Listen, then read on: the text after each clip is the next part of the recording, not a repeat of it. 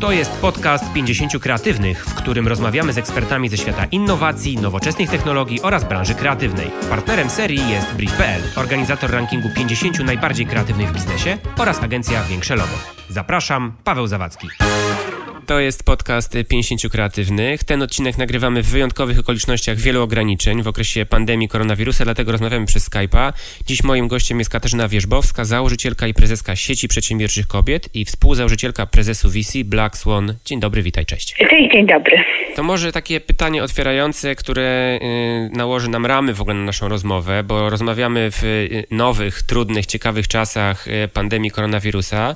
Ja bym chciał się odnieść do tej przedsiębiorczości, która jest tym takim głównym elementem sieci przedsiębiorczych kobiet. Czym dla Ciebie i dla Was jest ta przedsiębiorczość per se i jak według Ciebie ona się będzie teraz w tych nowych czasach zmieniać? To znaczy, co myślisz, możemy się pobawić trochę w takie wróżenie fusów, co się już zmieniło, co się będzie zmieniać, jak ta przedsiębiorczość, oczywiście nie tylko wśród kobiet, ale w ogóle na świecie w Twojej ocenie będzie się, będzie się zmieniać? Dziękuję za to pytanie. Na początek sięgnęłabym po takie semantyczne znaczenie słowa przedsiębiorczość. Przedsiębiorczość wywodzi się z zlepka słów przed się brać, czyli brać przed siebie, brać swój los w swoje ręce. I tak właśnie rozumiem przedsiębiorczość jako taką, roz, taką życiową sprawczość, ogarnięcie, chęć wzięcia inicjatywy i odpowiedzialności za swoje życie, w szczególności za swoje życie zawodowe w swoje ręce.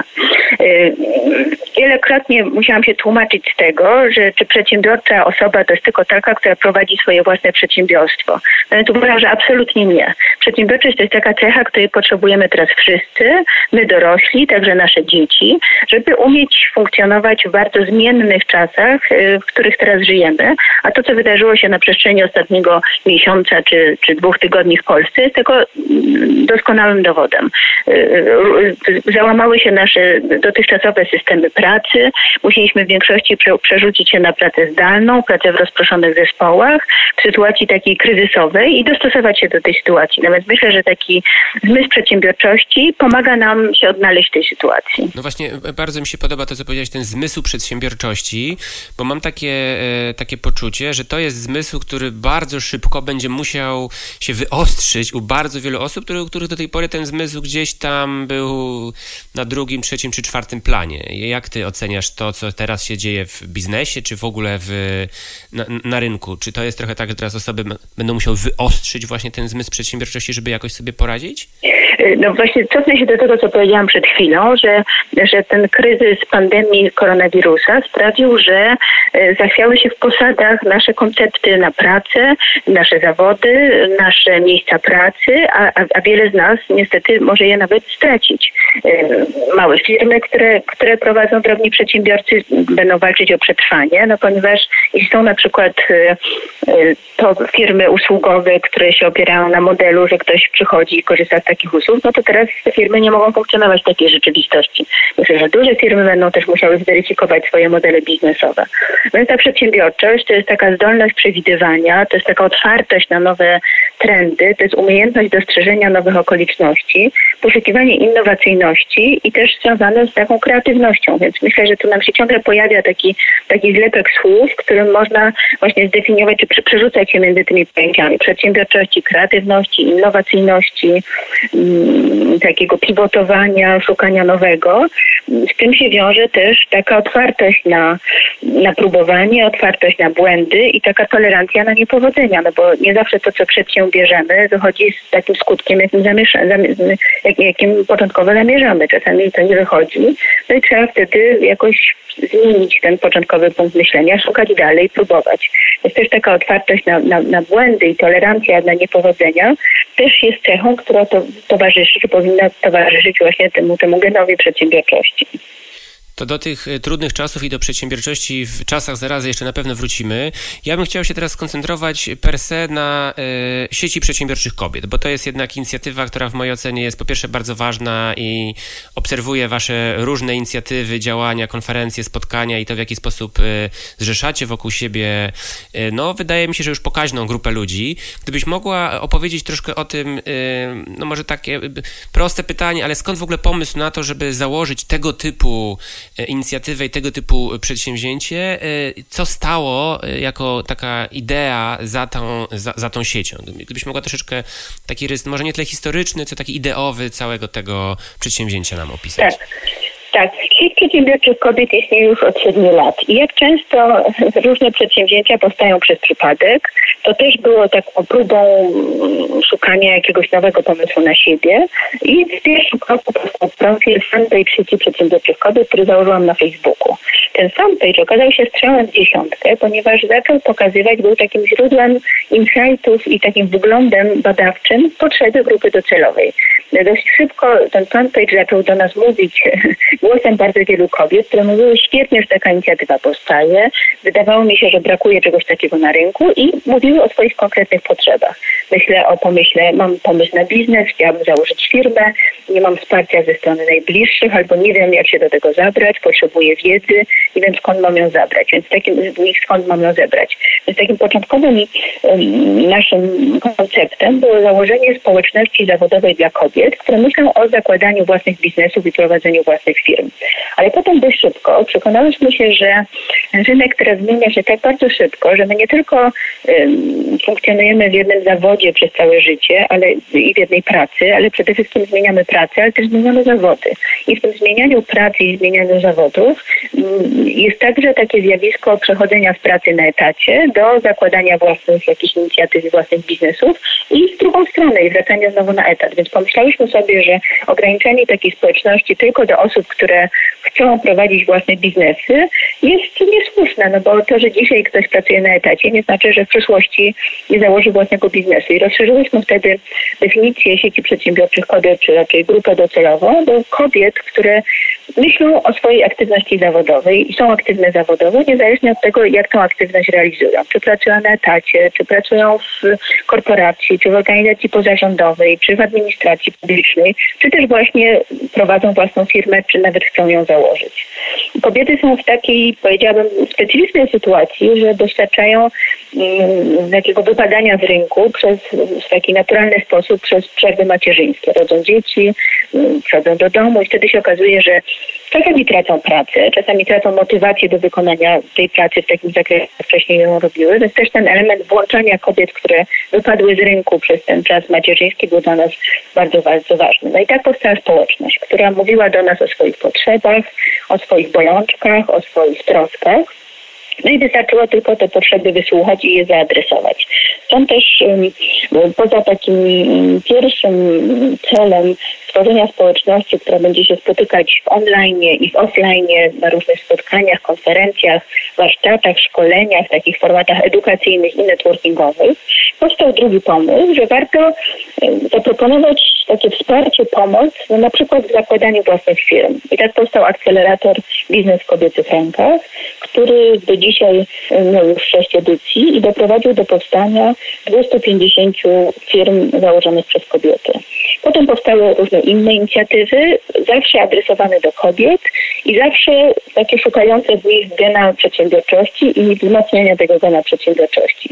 Jest program BEST dla studentek, które mm, kończą wyższe uczelnie i nie zawsze mają pomysł na to, jak pokierować swoją ścieżką kariery zawodowej, czy program dla matek, które właśnie borykają się z takim tąpnięciem y, poczucia własnej wartości i szukają pomysłu na siebie i wiele, wiele innych inicjatyw. I, i, trzecią taką ważną, która z tego wypoczątkowała, to, był, to była inicjatywa szukania wsparcia kobiet w szukaniu finansowania w, i startupy, ale także mm, wyedukowania kobiet i zainteresowania ich inwestowaniem Business Angel Investingu. Bardzo, bardzo mi się podoba ta narracja, bo mam takie poczucie, że to jest taki prawdziwy efekt śnieżnej kuli. To znaczy, e, e, fajnie, że opowiedziałaś o tych początkach tej grupy na Facebooku, e, na początku tej historii, a na końcu mówimy o, wiesz, funduszu, czy o takich procesach, które pomagają już w takim naprawdę dużym i, i, i nie boję się tego słowa, wiesz, poważnym biznesie, co pokazuje po pierwsze w mojej ocenie, że była olbrzymia chęć i potrzeba wsparcia i stworzenia pewnych procesów dla kobiet, a po drugie pokazuje, że to nie jest tylko taka sytuacja, w której że zebrała się grupa osób i teraz myśli sobie, jak robić biznes, tylko to jest po prostu poważna y, i nie bałbym się tego słowa, y, taka inicjatywa y, biznesowa, tak? To znaczy, mam takie poczucie, że wy po prostu otaczacie takim parasolem, nie wiem, mentoringowym, finansowym, biznesowym, know-howowym, w zasadzie wszystkie kobiety, które rozumiem chciałyby na różnym etapie swojego życia i na różnej gotowości swojego życia prywatnego czy zawodowego, nie wiem, wejść oczko wyżej, tak? Dobrze to rozumiem? Tak, ja też lubię to powiedzenie o, o, parasolu, ponieważ myślę sobie, że czasami w pewnych sytuacjach dobrze zrobić taki, no właśnie taki daszek, taki parasol, pod którym mieszczą się różne postawy, różne osoby czy różne inicjatywy i na koniec no to wszystko, co robimy, zdaje się być teraz taką dość holistycznym kom, kom, konceptem budowania społeczności kobiecej i nie tylko kobiecej. Yy, dlatego, że fundusz Black Swan yy, inwestuje już nie tylko w startupy, które zakładają kobiety, tylko startupy w ogóle. Inwestują w nią nie tylko kobiety, które są anielicami biznesu, jak zwykłyśmy mówić, ale też mężczyźni, którzy są aniołami biznesu.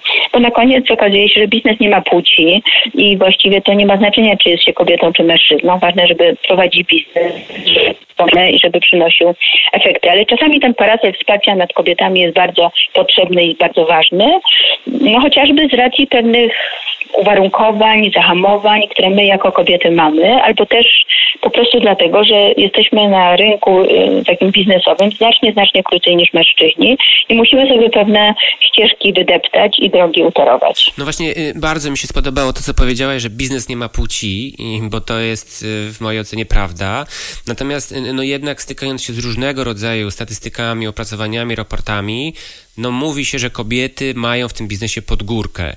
No i wydaje mi się, że jesteś idealną i odpowiednią osobą do tego, żebym mógł zapytać, czy to prawda, że ten biznes jest dużo bardziej brutalny, biznes jako rozumiany jako w ogóle robienie firmy, robienie biznesu, wchodzenie w pewne, tak jak powiedziałeś, nowe ścieżki. Czy to prawda, że ten świat biznesu jest trudniejszy czy bardziej brutalny dla kobiet? Czy to jest stwierdzenie, które było prawdziwe, nie wiem, 10-15 lat temu, a dzisiaj to już jest absolutna nieprawda i, i trzeba trochę skończyć z takim może nieco stereotypowym myśleniem? Mhm. No, żeby odpowiedzieć na to pytanie, to cofnę się do badań i do raportów. Mm, I jeszcze też chciałabym zrobić krok wstecz i powiedzieć, że to nie tylko trudniej jest kobietom w biznesie, ale chyba trudniej kobietom jest w ogóle zaistnieć w rynku, w życiu publicznym, w polityce, w nauce, w kulturze czy w sztuce, dlatego że jeśli patrzymy na odsetek kobiet obecnych w tych różnych rynkach, sektorach czy rolach, które wymieniłam, no to okazuje się, że zawsze, zawsze są w mniejszości. Żeby mówić konkretnie o tym zjawisku kobiet w biznesie, no to powiem, że na 100 firm, czy na 100 firm, które jest zakładanych, y, tylko 33 w Polsce prowadzą kobiety, czyli jeszcze to upraszczając, na trzy firmy, które funkcjonują na rynku, tylko jedną zakłada i prowadzi kobieta, a dwie mężczyźni. I akurat w Polsce ta sytuacja wcale nie wygląda tak najgorzej, bo okazuje się, że jesteśmy nie tylko w czołówce Europy, ale też y, no, w czołówce świata, jeśli chodzi o odsetek firm zakładanych przez kobiety. No ale, ale dalej to nie są proporcje wyrównane i trudniej jest zaistnieć na rynku. Dlaczego tak jest? No to myślę, że jest to temat na jakąś inną, dłuższą rozmowę. Tak, myślę, że trochę dlatego, że mm, takie, taka była historia. Kobiety przez długi czas siedziały w domu, zajmowały się dziećmi, prowadziły domy, czy zajmowały się też edukacją. Mm, I od 100 lat mamy, my jako kobiety mamy prawa wyborcze. Nawet trzeba chyba czasu, żeby to się odmieniło, ale, ale kobiety mają apetyt na więcej, są bardzo wykształcone, są nawet lepiej wykształcone niż mężczyźni, są, sprawdzają się w takiej pracy wielowątkowej, w takim multitaskingu, no więc bardzo sobie dobrze radzą, tylko trzeba właśnie stworzyć pewne mechanizmy, żeby one na rynek trafiły i dobrze funkcjonowały. No i y, bardzo y, czuję to, o czym ty mówisz. Znaczy, na pewno y, długo moglibyśmy rozmawiać o tym, dlaczego kobiety mają podgórkę nie tylko w biznesie. Mm, I, widzę i czuję tą taką przestrzeń, w której kobiety się wzmacnia do nie tylko do robienia biznesu, ale właśnie do uczestniczenia w życiu kulturalnym, społecznym, y, administracyjnym itd., tak itd. Tak w związku z czym jakby wypłaszcza, to jest takie modne słowo teraz jest, wypłaszcza się to, czyli jakby biznes nie zna płci, nie ma znaczenia, czy jesteś kobietą, czy mężczyzną, A z drugiej strony pojawiają się y, dość w mojej ocenie kontrowersyjne publikacje typu Forbes Woman na przykład, tak? No i teraz yy, miałem takie poczucie, że jak pierwszy numer Forbesa dla kobiet się pojawił, to w ogóle świat się podzielił na pół. Tych, którzy powiedzieli, że to jest w ogóle świetny pomysł, tych, którzy powiedzieli, że to nie ma y, w ogóle żadnego uzasadnienia, bo o to chodzi w równouprawnieniu i w biznesie, który nie ma płci, że Forbes jest i do jednych, i do drugich. Czy, ja chciałem cię zapytać o twoje zdanie. Czy tego typu mm, inicjatywy pomagają, czy utrudniają wypłaszczanie tego, y, tego stereotypu kobiety, która może robić wszystko tak samo jak ktokolwiek inny, nie tylko w biznesie, tak? Mhm. Tu się akurat z Tobą nie zgodzę, bo uważam, że taka inicjatywa jak Forbes Women była strzałem w dziesiątkę i zresztą potwierdził to rynek, ponieważ y, sprzedaż, nakłady, czytelnictwo te, te, tej gazety akurat znacznie przeskoczyły y, nawet prognozy, które wydawnictwo stworzyło na okoliczność wprowadzenia na rynek tego tytułu. No i też się nie zgadzam, bo właśnie dlatego założyłam sieć przedsiębiorczych kobiet, wierząc, że potrzeba, tak jak powiedzieliśmy, takiego parasola wsparcia nad kobietami, bo przecież jest bardzo dużo różnych klubów, które są y, no, unisex, adresowane do kobiet czy do mężczyzn, no ale rzeczywistość jest taka, że te kluby są bardzo, bardzo zmaskulinizowane. Czyli sieci przedsiębiorczych mężczyzn są właściwie wszędzie na, na każdym kroku. Dlatego właśnie uważałam, że trzeba stworzyć taką inicjatywę szytą na miarę, która wczuje się w bardzo konkretne ograniczenia i potrzeby tej grupy docelowej i y, wytworzy pewne narzędzia, y, mechanizmy, czy, czy, czy procedury, czy, czy, czy wsparcie, właśnie, które będą adresować te, te, te, specyficzne bariery albo ograniczenia. No i może powiem jeszcze tutaj kilka słów o naszym akceleratorze. No właśnie chciałem zapytać o to, no bo powiedziałeś, że jesteście na, na, na rynku, tak ładnie można powiedzieć, 7 lat, więc zakładam, że macie już olbrzymią liczbę danych związanych z tym, czego potrzeba właśnie tej konkretnej grupie zawodowej, w czym najczęściej pomagacie, albo z czym najczęściej zgłaszają się kobiety, które potrzebują w różnych obszarach wsparcia. I chciałem zapytać właśnie o to, wiesz, gdzie stawiacie te punkty ciężkości i gdzie one i te akcenty są najbardziej widoczne w, w, w sieci, czy w akceleratorze, czy w funduszu? Tak. Tak, tak. A to jest bardzo ciekawe pytanie, dlatego że mam świadomość, że, mm, że kobiety zgłaszają się do nas z czasami innymi potrzebami niż faktycznie mają. I to, co dostają, jest takim jakby bonusem, który sprawia, że mm, rzeczywiście mogą dobrze funkcjonować. Znaczy, to też nie jest tak, że kobiety, do nas, które do nas trafiają, źle funkcjonują, aby po byciu w sieci funkcjonują lepiej, tylko że myślę, że, mm, że sieć tych kobiet jest takim właśnie jest taką kompleksową platformą, która, mm, która jest dobroczynna w bardzo różnych obszarach swojego działania. Więc po pierwsze, mm, to, co miałam na myśli mówiąc, że kobiety nie przychodzą po to, a z tym wychodzą, to jest taki empowerment kobiecy. Znaczy widzimy, że jest bardzo wiele bardzo wspaniałych osób o cudownych kompetencjach, bardzo mądrych, o, o wspaniałych umiejętnościach, ale brakuje im takiej wiary w siebie, takiego przekonania, że im się uda. I zresztą potwierdza to rynek. Przecież headhunterzy, z którymi się rozmawia i którzy pytanie o to, jak, jaka jest różnica między kobietami, które aplikują do pracy i mężczyznami, mówią wprost, że jeśli się przedstawi kandydatom listę kompetencji, które trzeba spełniać i kobieta widzi, że na tej liście 20 jest jedna albo dwie takie cechy, których one nie mają, to mówią, przepraszam, ja się muszę wycofać, ta pozycja nie jest dla mnie, ja chyba nie jestem dość dobra. No i trochę tu ironii, trochę tak przejaskrawiając, przychodzi z taką sytuację rekrutacyjną mężczyzna, który mówi, hmm, no właściwie ja tu siedzę na połowie, połowie, nie wiem, no jestem idealnym kandydatem, ta praca jest to stworzona dla mnie. No więc widzimy z tego przykładu, że kobiety są bardziej krytyczne w stosunku do siebie, nie doceniają swoich kompetencji, albo zawyżają poprzeczkę, e, którą muszą spełniać, albo mówią, mnie się na pewno nie uda, nie poradzę sobie, nie pogodzę wszystkich ról. No i takie bycie w kobiecej społeczności, czy to na śniadaniu, na którym jest 50 osób, czy to na konferencji, na której jest 500, czy to w akceleratorze, w którym 60 kobiet nagle pracuje nad swoimi modelami biznesowymi, żeby założyć firmę. Okazuje się, że to bycie w grupie to nie tylko ja, ja indywidualnie mam takie kompleksy, czy myślę, że nie dam rady, tylko nie wszystkie kobiety tak mamy i w związku z tym jakoś możemy temu przeciwdziałać. Potem jest bardzo ciekawe zjawisko, mentoringu i takiej chęci dzielenia się swoimi kompetencjami, doświadczeniami przez osoby bardziej doświadczone osobami mniej doświadczonymi. doświadczonymi. Sieci przedsiębiorczych kobiet funkcjonuje, mm, no myślę, że teraz już 150, może nawet trochę więcej mentorek, które są no, kobietami sukcesu, które się sprawdziły w biznesie, w korporacjach, we własnych firmach i mają ogromną otwartość i taki kapitał społeczny, żeby się dzielić tymi swoimi e, umiejętnościami, doświadczeniami z początkującymi przedsiębiorczyniami. To jest niezwykłe zjawisko, bo uważam, że niski kapitał społeczny w Polsce jest bariera rozwoju gospodarczego. Najmniejszej ci przedsiębiorczych kobiet możemy taką małą cegiełkę wrzucać na rzecz właśnie podwyższenia i budowy kapitału społecznego w Polsce. Wszystko to, o czym mówisz, brzmi bardzo podniośle. E, ja w ogóle słuchając e, tego e, słowa empowerment, ono jest bardzo takie wzniosłe, ono mi się bardzo podoba, ale z drugiej strony, wiesz, ja patrzę na biznes może w sposób nieobiektywny, bo jako osoba, która, wiesz, prowadzi firmę i działalność w Warszawie i mam takie poczucie, że kobiety nie potrzebują tego empowermentu. Wiesz, chodzę na konferencje, chodzę na różnego rodzaju eventy, stykam się z różnymi środowiskami biznesowymi i tam jest setka, jak nie tysiące wspaniałych kobiet świetnych ekspertów, ekspertek, świetnych, yy, wiesz, w swoich działkach, branżach, na swoich stanowiskach, yy, wysoko w hierarchii, średnio w hierarchii, nisko w hierarchii.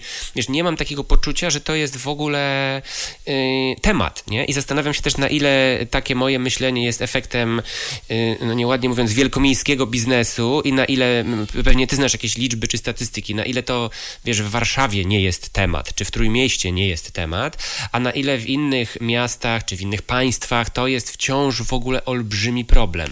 Macie jakieś takie, e, albo przychodzą ci do głowy jakieś badania albo statystyki, które pokazują, że ok, może w miastach to jeszcze jakoś, ale wystarczy wyjechać gdzieś, żeby w ogóle zobaczyć tą przepaść. Nie przychodzą mi do głowy żadne badania, bo nie mam świadomości, żeby były zrobione, ale chciałabym opowiedzieć anegdotę. Mianowicie mm, jest takie narzędzie, taki warsztat I'm Remarkable, który mm, realizujemy. To jest warsztat, który robimy na licencji agencji Google'a, jest wymyślony gdzieś w Stanach Zjednoczonych na potrzeby kobiet. To jest narzędzie, warsztat, który trwa półtorej godziny i służy właśnie takiemu wzmocnieniu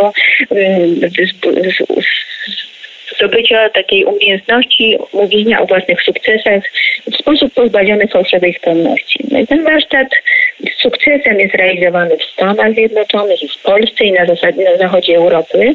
I to widać, że właściwie wszystkie kraje są dotknięte tą potrzebą wzmacniania kobiet w takim właściwym poczuciu własnej wartości. Mało tego, mm, mając do czynienia z Amerykankami, czy mając do czynienia z Białorusinkami, czy Ukrainkami, zobaczyłam, że wszystkie borykamy się z tym samym problemem. Takim torowaniem sobie miejsca na rynku. I jak mówisz o empowermencie kobiecym, to myślę sobie, że czasami jest potrzebny taki depowerment męski. I znowu taka anegdota. Jak chodzisz na konferencję, w której widzisz dużo wspaniałych kobiet, ale czy nie zdarzyło się pójść na konferencję, w której jest jakiś, jakaś debata, jakiś panel i w tym panelu nie ma żadnej kobiety. Nawet jest taka humorystyczna nazwa na nazwanie, na, na określenie takich paneli. Mówi Menels, czyli Men Only Panels, która nawet jest wyśmiewana, jest taki fanpage na Facebooku, który się nazywa Nie chodzę na mm, konferencje, na których nie ma, na których, na których panelach nie ma, nie ma kobiet, tylko są sami mężczyźni. Więc też czasami trzeba, żeby mm, no właśnie takich, takich działań y, odgórnych, czy takich działań solidarnych, które zwracą, zwracą uwagę na to, że mężczyźni powinni czasami ustąpić miejsca i zrobić miejsce dla kobiet, ponieważ ich udział zarządach spółek, no w ogóle w takich, na takich kluczowych stanowiskach jest bardzo ważny. Nie tylko z takich ludzkich pochodów, że fajnie, jeśli oprócz mężczyzn są tam kobiety, ale też jest to udowodnione statystycznie, że firmy, które są współzarządzane przez kobiety, odnoszą lepsze wyniki niż firmy, których tych kobiet w zarządach nie ma. I to też obserwujemy w, w, w naszym funduszu Black Swan, przyglądając się potencjalnym spółkom, w które moglibyśmy zainwestować środki, że widzimy bardzo wiele bardzo ciekawych mm, projektów biznesowych, w którym przychodzą do nas kobiety, które, się, które są często wrażliwe społecznie, dostrzegają pewne potrzeby i adresują je w taki bardzo konkretny sposób.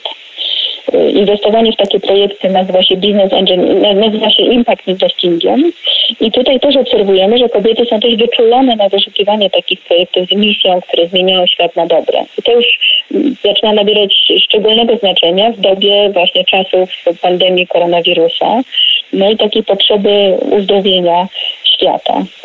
To powiedz proszę, y, bo słusznie powiedziałaś i tak teraz myślę sobie o tych konferencjach i o tych y, menelach i o tych panelach męskich. W jakim kierunku powinniśmy rozwijać, nie wiem, edukację, biznes, społeczeństwo, taką wrażliwość? Co powinno się, może nie tyle zmienić, ale jak powinny się te akcenty troszeczkę inaczej rozłożyć, żeby takich sytuacji było jak najmniej? To znaczy rozumiem, że, że co, że dwufalowo, z jednej strony empowerment kobiet, a z drugiej strony de-empowerment mężczyzn? Czy jest coś jeszcze, co warto byłoby zrobić, albo co wy propagujecie, albo nad czym wy pracujecie, żeby trochę ten balans wyrównać? Mhm. Na pierwszą część Twojego pytania, uważam, że bardzo wiele jest do zrobienia w takiej sferze edukacyjnej. To znaczy wypracowanie umiejętności pracy w grupach, które są interdyscyplinarne, w których są i chłopcy i dziewczynki, w których się zwraca uwagę na różnorodność, jest, jest bardzo ważne i to jest, na to przerzucam odpowiedzialność na, na, na te sfery edukacyjne szkoły. Myślę, że bardzo ważne jest też, jak wychowujemy nasze dzieci, jak wychowujemy nasze córki, jak wychowujemy naszych synów, mm, żeby żyli w poczuciu właśnie świadomości mm, tych mankamentów, z którymi potem się mogą borykać na rynku. No a potem to, co my robimy, no to jest właśnie iść do przodu, nie zważając na to, kim jesteśmy. Uczymy kobiety, edukujemy je, uczymy je zakładania własnych biznesów, konstruowania dobrych modeli biznesowych i radzenia sobie na rynku, czyli i też taki znaczy uważam, że to jest bardzo ważne, to jest umiejętność takiego ciągłego uczenia się kończymy edukacji wychodząc ze szkoły czy kończąc wyższą uczelnię, tylko właśnie my żyjemy w czasach, których trzeba się ciągle uczyć. Bo życie się, świat się zmienia i żeby być na bieżąco, i technologia bardzo idzie do przodu, więc żeby być na bieżąco trzeba być otwartym na przyswajanie tych nowych zjawisk i technologii i umiejętności. Czyli praca u podstaw i edukacja jako taki punkt pierwszy i punkt wyjścia do tego, żeby w ogóle mówić o efektywnych procesach, które miałyby zachodzić później, tak? Tak, i wrażliwość na różnorodność, na taką dywersyfikację i na taką tolerancję dla inności, która jest bardzo bardzo ważna i, i, i buduje skuteczność i kreatywność działania. No dobrze, a y, to teraz wracając trochę do tego początku naszej rozmowy, bo tak sobie na początku o tym koronawirusie trochę powiedzieliśmy, teraz y, trochę więcej powiedziałaś o kobietach i o przedsiębiorczości kobiet i tym, czym w ogóle wy się zajmujecie. Jak uważasz, y, jakie według ciebie będą kluczowe kompetencje przyszłości, która tworzy się dzisiaj, wiesz, znaczy oglądamy y, świat, który zmienia się dosłownie na tych naszych oczach i to nie jest y, żaden eufemizm. Y, zmieniają się, tak jak ty powiedziałaś, modele pracy, rodzaje pracy, biznes, pomysły, kreatywność. Gdybyś miała na przykład wy, wyciągnąć taką esencję z tego, co do tej pory robiliście i spojrzeć trochę do przodu, to jak byś wyestymowała, co się zmieni, albo co jest nam teraz potrzebne, y, albo wiesz, czego potrzebują nie tylko kobiety, ale w ogóle przedsiębiorczość czy biznes dzisiaj? Zapytałeś o, o, o kompetencje, kompetencje przyszłości i tu przychodzi mi do głowy raport, który w zeszłym roku y, wszedł na rynek, raport, który to był chyba raport Delabu i PFR-u, no właśnie zatytułowany Kompetencje przyszłości. I tam były trzy kategorie kompetencji. Kompetencje poznawcze, kompetencje społeczne i kompetencje cyfrowe i technologiczne. I teraz wprowadzając to do teraźniejszości, tak jak y, właśnie zadałeś pytanie, myślę sobie, że te kompetencje cyfrowe, y, wśród których są podstawowe kompetencje cyfrowe, zaawansowane kompetencje cyfrowe i kompetencje inżynieryjne, to są bardzo, bardzo na czasie. To znaczy y, właściwie z dnia na dzień zostaliśmy postawieni w konieczności przerzucenia się do pracy zdalnej w rozproszonych zespołach. I nasza edukacja z zakresu przedsiębiorczości dla wielu osób musiała być bardzo, bardzo przyspieszona. Musieliśmy w bardzo szybkim tempie yy, przyswoić wiedzę do tego, jakimi narzędziami się będziemy posługiwać, jakich komunikatorów korzystać, jakich narzędzi pracy zdalnej. No i ci, którzy byli otwarci na to, no to na pewno sobie poradzili z tym bardziej niż ci, którzy są zamknięci i zagubieni. Wśród tych kompetencji mm, poznawczych są takie kompetencje jak kreatywność, myślenie krytyczne, elastyczność poznawcza i rozwiązywanie złożonych problemów. To też brzmi jak trochę brief, z którym każdy z nas ma do czynienia każdego dnia. No jak sobie poradzić w tej codzienności? No, byliśmy umówieni na spotkanie, na którym mieliśmy rozmawiać tet a tet. Natomiast no, tak jak zaproponowałeś, rozmawiamy przez Skype'a, więc ten problem w ten sposób rozwiązałeś. Kreatywność, to szukanie jakichś nowych rozwiązań, które jeszcze dzisiaj nie, nie są znane, a jutro już będą dominować na rynku. No i kompetencje społeczne, które są, są uwaga, współpraca, mm, inteligencja emocjonalna, zarządzanie ludźmi i przedsiębiorczość. Przedsiębiorczość jako kompetencja społeczna, kompetencja przyszłości. No to, to chyba jest wprost odpowiedź na Twoje pytanie. Te wszystkie cechy, które wymieniłam, brzmią jako mm, no, taki zbiór zaleceń, jak sobie radzić w, w tej rzeczywistości.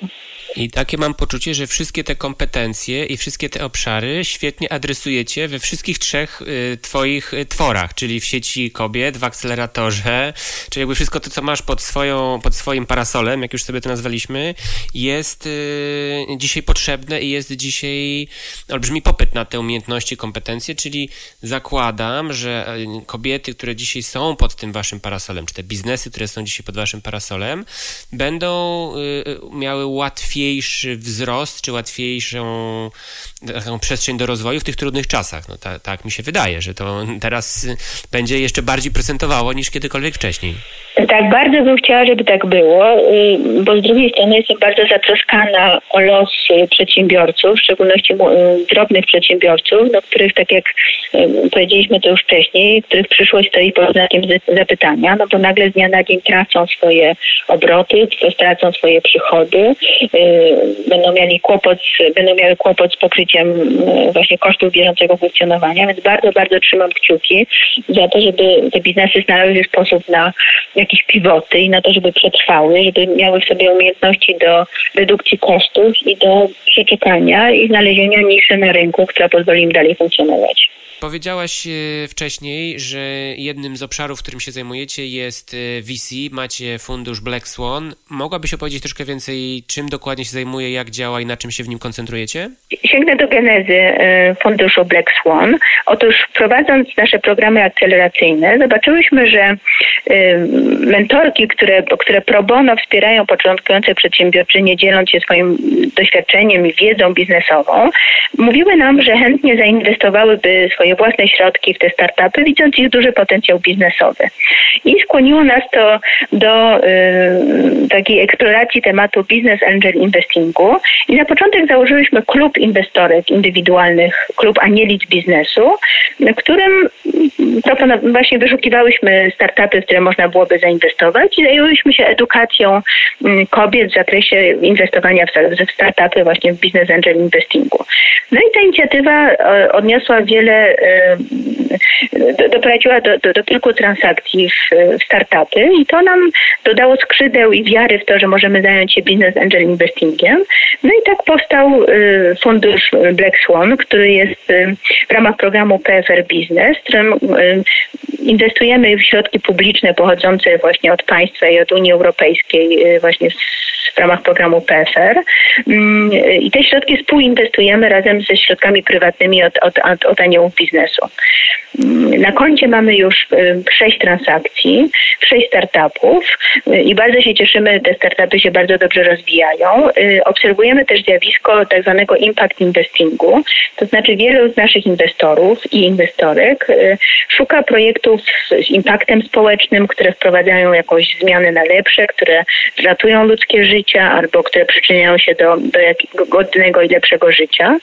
Mm, jednym z takich startupów jest spółka Saipmi, która mm, stworzyła opaskę, taki kompleksowy system telemedyczny do mm, diagnozy zdrowia osób starszych, seniorów z chorobą Alzheimera albo z, albo z demencją. I wydaje się, że ten startup bardzo dobrze się wpisuje e, właśnie we współczesne czasy, ponieważ ma też taki sposób do, do, do, do kontroli osób, które są w, w kwarantannie, do, do nadzoru osób niekoniecznie starszych, tylko młodych, które właśnie muszą przebywać w domu, więc nawet sprawdza się w czasach koronawirusa.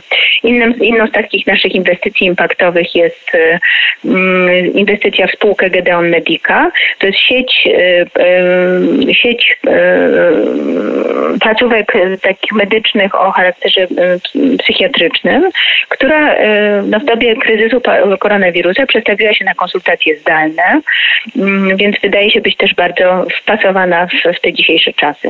Rozumiem, że nazwa Black Swan, Czarny Łabędź, nieprzypadkowo. Tak, tak. Zrobiła na nas wrażenie, mm, zrobiła na nas wrażenie lektura książki y, Nasiba Taleba, który, który pisał o teorii czarnych łabędzi, y, tak popularnych właśnie w obszarze funduszy Venture Capital, y, poszukujących mm, takich nieprzewidzianych zjawisk, które mają ogromny wpływ na rzeczywistość. No są pozytywne i negatywne czarne łabędzie. Dzisiaj mamy do czynienia z negatywnym czarnym łabędziem, a my w naszym funduszu szukamy takich pozytywnych zjawisk, które będą miały ogromny, ale pozytywny wpływ na rzeczywistość. Użyłaś takiego y, pięknego stwierdzenia anielice biznesu. Jak dużo jest kobiet, które chcą i inwestują w biznes i w ogóle interesuje je cała działka VC i tworzenia nowego biznesu, inwestowania z takiego punktu widzenia po prostu stricte inwestorskiego? Z badań europejskich wynika, że tylko 5% aniołów biznesu jest kobietami. No więc wydaje nam się, że jest dużo do zrobienia, żeby te dysproporcje zmienić. Kobiety są wykształcone, doświadczone w biznesie, posiadają środki do inwestowania, no więc bardzo chcemy zachęcić, żeby tych kobiet inwestowało więcej. Podejmujemy dużo działań edukacyjnych, ale także sprzyjamy inwestycjom w syndykatach, obniżając próg wejścia do de facto 50 tysięcy. Czyli my nie szukamy milionerów, którzy zainwestują swoje wolne miliony w startupy, tylko szukamy mm, osób, które mm, no, mogą sobie pozwolić na to, żeby inwestować w sumy rzędu 50 czy 100 tysięcy, ale jeśli znajdziemy takich inwestorów na przykład 5 czy 7 czy 10, to taki syndykat dysponuje już całkiem pokaźną kwotą do zainwestowania w startup i to się bardzo sprawdza. Więc to jest też, też nasz wkład w to, żeby wyrównywać dysproporcje także w obszarze inwestowania inwestowania w startupy. Jest jeszcze druga statystyka, z kolei pochodząca z rynku amerykańskiego, że tylko niecałe 3% y, pieniędzy zainwestowanych przez fundusze VC i aniołów biznesu trafia do. Tak female founders, czyli do kobiet, które założyły swoje startupy. No to się nam wydaje bardzo krzywdzące i defaworyzujące i też staramy się to zmieniać. Bardzo intensywnie szukamy kobiecych startupów, y, w które, które, które chcemy inwestować, ale na koniec liczą się performance biznesowy i to, jak spółka e, funkcjonuje, bo inwestujemy w najlepszych. No to w takim razie ostatnie pytanie, tak dobijając do brzegu naszej rozmowy. Czego Tobie, y, sieci przedsiębiorczych kobiet, y, Twoim programom wspierającym różne działania y, trzeba życzyć i chciałabyś, żeby się spełniło na przestrzeni najbliższych, nie wiem, 6-9 miesięcy albo tego w ogóle trudnego roku 2020. Za co trzymać kciuki i, i, co chciałabyś, żeby się spełniło w ciągu najbliższego półrocza?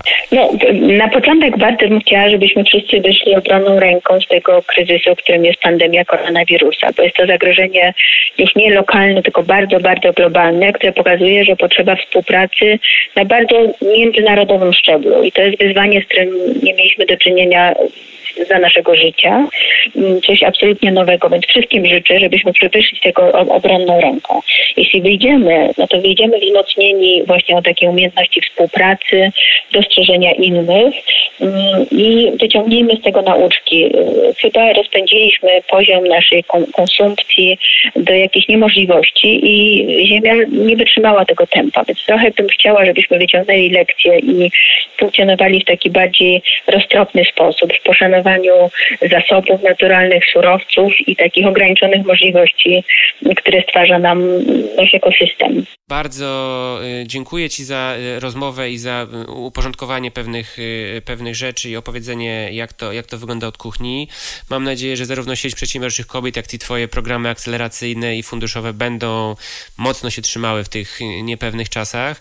No i mam nadzieję jednak niebawem do takiego prawdziwego, fizycznego zobaczenia się gdzieś na jakiejś jakiejś konferencji, gdzie najprawdopodobniej będziemy mieli chociaż pół na pół kobiet z mężczyznami. Bardzo serdecznie dziękuję. Dziękuję Paweł za rozmowę. Dzięki za dziś. Pozostałe odcinki tego podcastu znajdziecie na Spotify, Apple Music, SoundCloud oraz w swoich ulubionych odtwarzaczach podcastowych. Do usłyszenia!